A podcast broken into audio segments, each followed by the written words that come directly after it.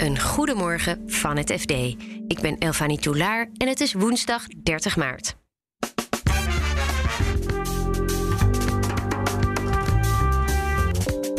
Nu Europa van het Russische gas af wil, liggen de in Glasgow gemaakte klimaatafspraken onder vuur. Het is natuurlijk wel een hele gekke constructie als hetzelfde kabinet wel vindt dat we dat gas nodig hebben en daar ook eigenlijk min of meer via Europa opdracht toe geeft, maar tegelijkertijd zegt nee, jullie Nederlandse bedrijven mogen daar niet helpen bouwen.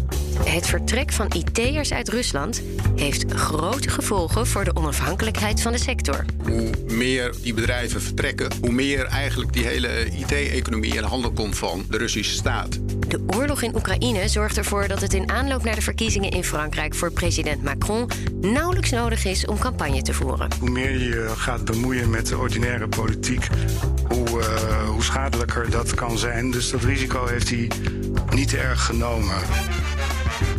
Dit is de dagkoers van het FD. Ja, het klinkt als de perfecte oplossing. We stappen af van het Russische gas en schakelen over naar het vloeibare Amerikaanse gas. Maar zo simpel is het helemaal niet. Waarom niet? Dat legt energieredacteur Bert van Dijk uit. Het is een mooie aankondiging geweest. Eh, Biden die uh, aankondigde 15 miljard kubieke uh, meter gas extra te gaan leveren nog dit jaar. En daarna uh, 50 miljard kub per jaar, geloof ik, op, op termijn. Hij gaat daar niet over, want het is gewoon een markt. Dus hij kan dat wel beloven. Maar uiteindelijk moeten bedrijven dat gaan leveren. En die zitten vast aan allerlei contracten. Dat zijn vaak langejarige contracten al met, met andere landen of met, uh, met, bedrijven. Dus daar zal hij eerst mee in gesprek moeten. Um, en dan is ja, de grote vraag is hoe gaat hij dat doen? Want zowel aan de Amerikaanse kant zitten de exportterminals al helemaal vol. Die kunnen eigenlijk niet meer exporteren dan ze nu doen. Kunnen de, kunnen de Amerikanen uiteindelijk dan wel uh, genoeg LNG uh, produceren? Nou ja, er is meer dan genoeg gas in, in Amerika, dus dat zou wel kunnen. Maar dat gaat, ja, als je een nieuwe terminal wil gaan bouwen, dan ben je zo twee tot vijf jaar verder ja, dan uh, ziet de wereld er misschien alweer anders uit. Maar het zou wel kunnen. En dat is natuurlijk ook een van de grote kritiekpunten, ook vanuit de milieubewegingen, vanuit de NGO's. Want als je dit gaat doen, ja, je gaat niet een terminal bouwen voor een paar jaar. Dus je bent wel weer voor een langere periode afhankelijk van aardgas. En met name aardgas dan uit Amerika. En dat is ook nog eens aardgas dat wordt vooral gewonnen door middel van fracking. En dat is een hele omstreden techniek, omdat je daarvoor ja, chemicaliën gebruikt om het gas uiteindelijk uit het gesteente te krijgen. En dat willen wij in Europa niet, want dat is ook, we hebben ook heel veel schaliegas in Europa. Maar daarvan hebben we een aantal jaar geleden gezegd: nee, dat willen we niet. Te milieubelastend, ook slecht voor het klimaat, dus dat willen we niet. Maar goed, we gaan dat dus nu wel halen uh, uit Amerika in Glasgow heeft de Nederlandse regering nog een uh, akkoord ondertekend dat ja. er niet meer ingezet gaat worden op, op fossiele brandstofprojecten.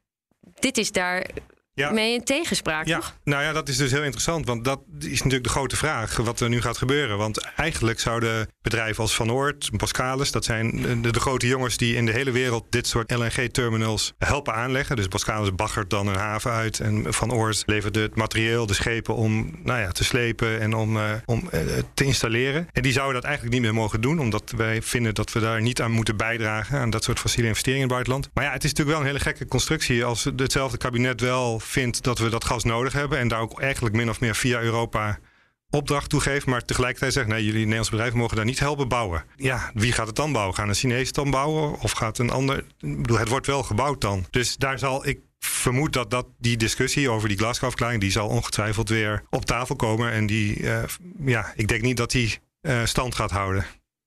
En zijn er niet nog alternatieven voor dit Amerikaanse LNG? Nou ja, dat is natuurlijk uh, dat is een goede vraag. Want dat is een beetje de, uh, waar ook naar aan gedacht wordt. Want er is natuurlijk aan de, als je naar de oostkant kijkt, dus aan Centraal-Azië, bijvoorbeeld naar landen als Turkmenistan, of je gaat naar Azerbeidzjan of Iran, die hebben ook heel veel gas. Die hebben ook wel de uh, intentie om de verbindingen aan te leggen met Europa. En die, die zouden in beeld kunnen komen. Maar ja, vooralsnog liggen dus alle kaarten van Europa althans richting Amerika.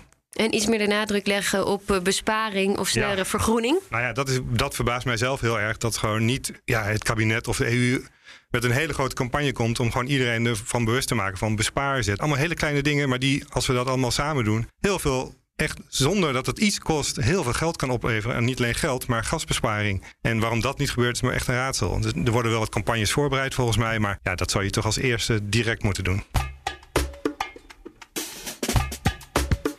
Er is een ware brain drain aan de gang in Rusland. IT'ers verlaten massaal het land. De reden voor hun vertrek? de oorlog in Oekraïne, het digitale ijzeren gordijn en de sombere vooruitzichten. Redacteur Jasper Houtman zocht uit hoe Rusland ze toch binnen probeert te houden. Eerst even Jasper, uh, hoe belangrijk zijn deze IT'ers nou voor de Russische economie? Nou ja, het is, het is een, eh, ja, een hele belangrijke sector in Rusland. Uh, qua werkgelegenheid werken ongeveer 2 miljoen mensen. Uh, van de, nou ja, je hebt in Rusland ongeveer 144 miljoen mensen. Um, het maakt een paar procent uit van het uh, bruto nationaal product. Dus, dus op zich een, uh, een, belangrijk onderdeel. Maar het is, ja, zoals in alle landen, is het natuurlijk ook een, een belangrijke aanjager van groei. Ja. En alles heeft met IT te maken tegenwoordig. In de bankensector werken ook IT'ers. dus het is, het, is, het, is, ja, het is ontzettend belangrijk, net als in Nederland of in de Verenigde Staten.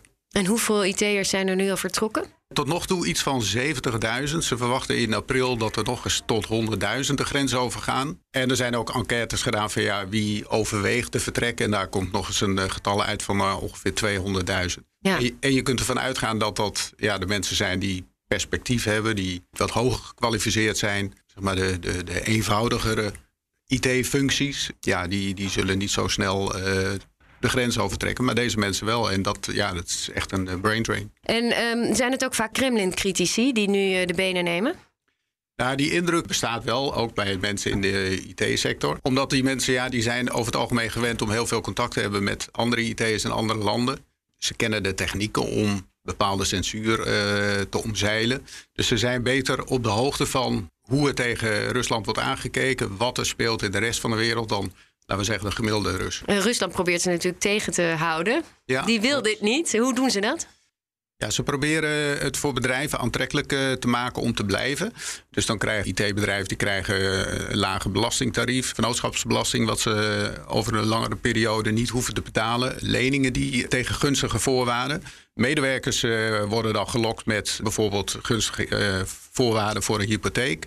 Of dat hun dienstplicht laten mogen doen of uh, helemaal uh, uitgesteld wordt. Er is tegelijkertijd ook veel kritiek op westerse IT-bedrijven die het land verlaten. Hmm. Ehm, waarom? Ja, eigenlijk zeggen ze van, ze voelen zich een beetje in de steek gelaten. Ze zeggen van ja, dit zorgt ervoor dat mensen vertrekken die juist tot de critici van het Kremlin behoren. Een ander aspect is, en dat zegt een online burgerorganisatie, van ja, hoe meer die bedrijven vertrekken, hoe meer eigenlijk die hele IT-economie in handen komt van eh, de Russische staat. Uh, of dat hij daar steeds meer invloed op kan uitoefenen.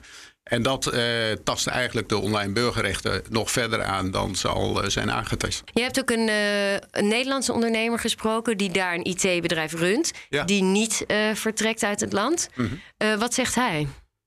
Nou, hij zegt eigenlijk van ja, ik, ik wil de mensen daar niet laten vallen. Omdat ik heb werknemers, die werknemers hebben gezinnen. Als ik wegga, ja, dan valt hun inkomst, vallen hun inkomsten weg. Dat is voor hem een reden om te zeggen van nou ja, ik blijf daar toch actief. Over anderhalve week gaan de Fransen naar de stembus voor de eerste ronde van de presidentsverkiezingen. President Emmanuel Macron staat bovenaan in de peilingen. In de tweede ronde zal hij het hoogstwaarschijnlijk opnemen tegen de rechtsnationalistische Marine Le Pen van Rassemblement National. FD-correspondent Kleis Jager vertelt hoe Macron campagne voert. Nou, tot nu toe heeft hij uh, dat heel terughoudend gedaan, omdat hij een ruime voorsprong heeft. En um, ja, hoe meer je dan afdaalt, hoe meer je gaat bemoeien met de ordinaire politiek, hoe, uh, hoe schadelijker dat kan zijn. Dus dat risico heeft hij niet erg genomen. Maar hij kwam daar alleen van terug. Afgelopen weekend heeft Eric Zemmour, uh, een rechtsradicale rivaal van hem. -hmm uh, die had een grote bijeenkomst in Parijs voor de Eiffeltoren. Daar werd uh, Macron moordenaar gescandeerd. En hem wordt verweten dat hij niet ingreep. Dat hij dat spreekkoor um, liet begaan. En uh, hij zegt alleen, ik heb het niet gehoord. En daarop heeft Macron, gereageerd. Hij heeft gezegd, nou, je kan dankzij mij heel goedkoop aan hoorapparaten komen tegenwoordig. Dus waar, waarom, waarom doe je dat eigenlijk niet? Dus uh, de campagne krijgt, er komt iets meer tumult. Eh, wat is de invloed van de uh, oorlog eigenlijk op de campagne die Macron dus eigenlijk niet echt voert? Nou ja, het heeft Macron een, een, een extra argument um, gegeven om zich er een beetje van af te keren. Hè? Want uh, hij laat wel duidelijk merken, de, de, de plaats van Frankrijk in de wereld, daar, daar ben ik mee bezig. Terwijl jullie uh, bezighouden met uh, ja, futiliteiten. Dat, dat, kwam hem natuurlijk ja, in, in politiek opzicht best goed uit. Als hij, zoals wordt verwacht, in de eerste ronde komt hè, als, als winnaar van de eerste ronde en dan uitkomt tegen Marine Le Pen, waarschijnlijk denken we, dan, dan heeft hij ook de meeste kans om die tweede ronde vrij ruim te winnen. Ik kondigde haar net aan als uh, rechtsnationalistisch, maar zij legt nu ook de nadruk wel op andere zaken dan bij de vorige verkiezingen, begreep ik. Nou ja, ze, ze, ze waakte voor om, om mensen niet bang te maken. Hè. Vijf jaar geleden heeft ze eigenlijk veel mensen weggejaagd door over een uh, vertrek uit de eurozone te beginnen. Nou, dat is haar erg slecht bevallen. En ze legt nu de nadruk op de koopkracht van de gewone Fransen. En dat is behoorlijk succesvol. Die andere rechtsradicale kandidaat, Erik Zemmour, heeft hij nu zijn kansen verspeeld? Want hij stond altijd wel bekend als bewonderaar van Poetin, toch?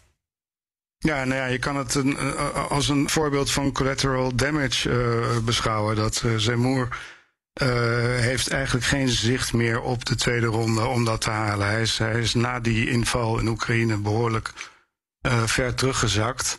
En dat heeft, dat heeft alles te maken met zijn Russofilie, zoals ze dat hier noemen. Oftewel bewondering voor Poetin, bewondering voor de sterke man. En daar kan je nu echt niet meer mee aankomen.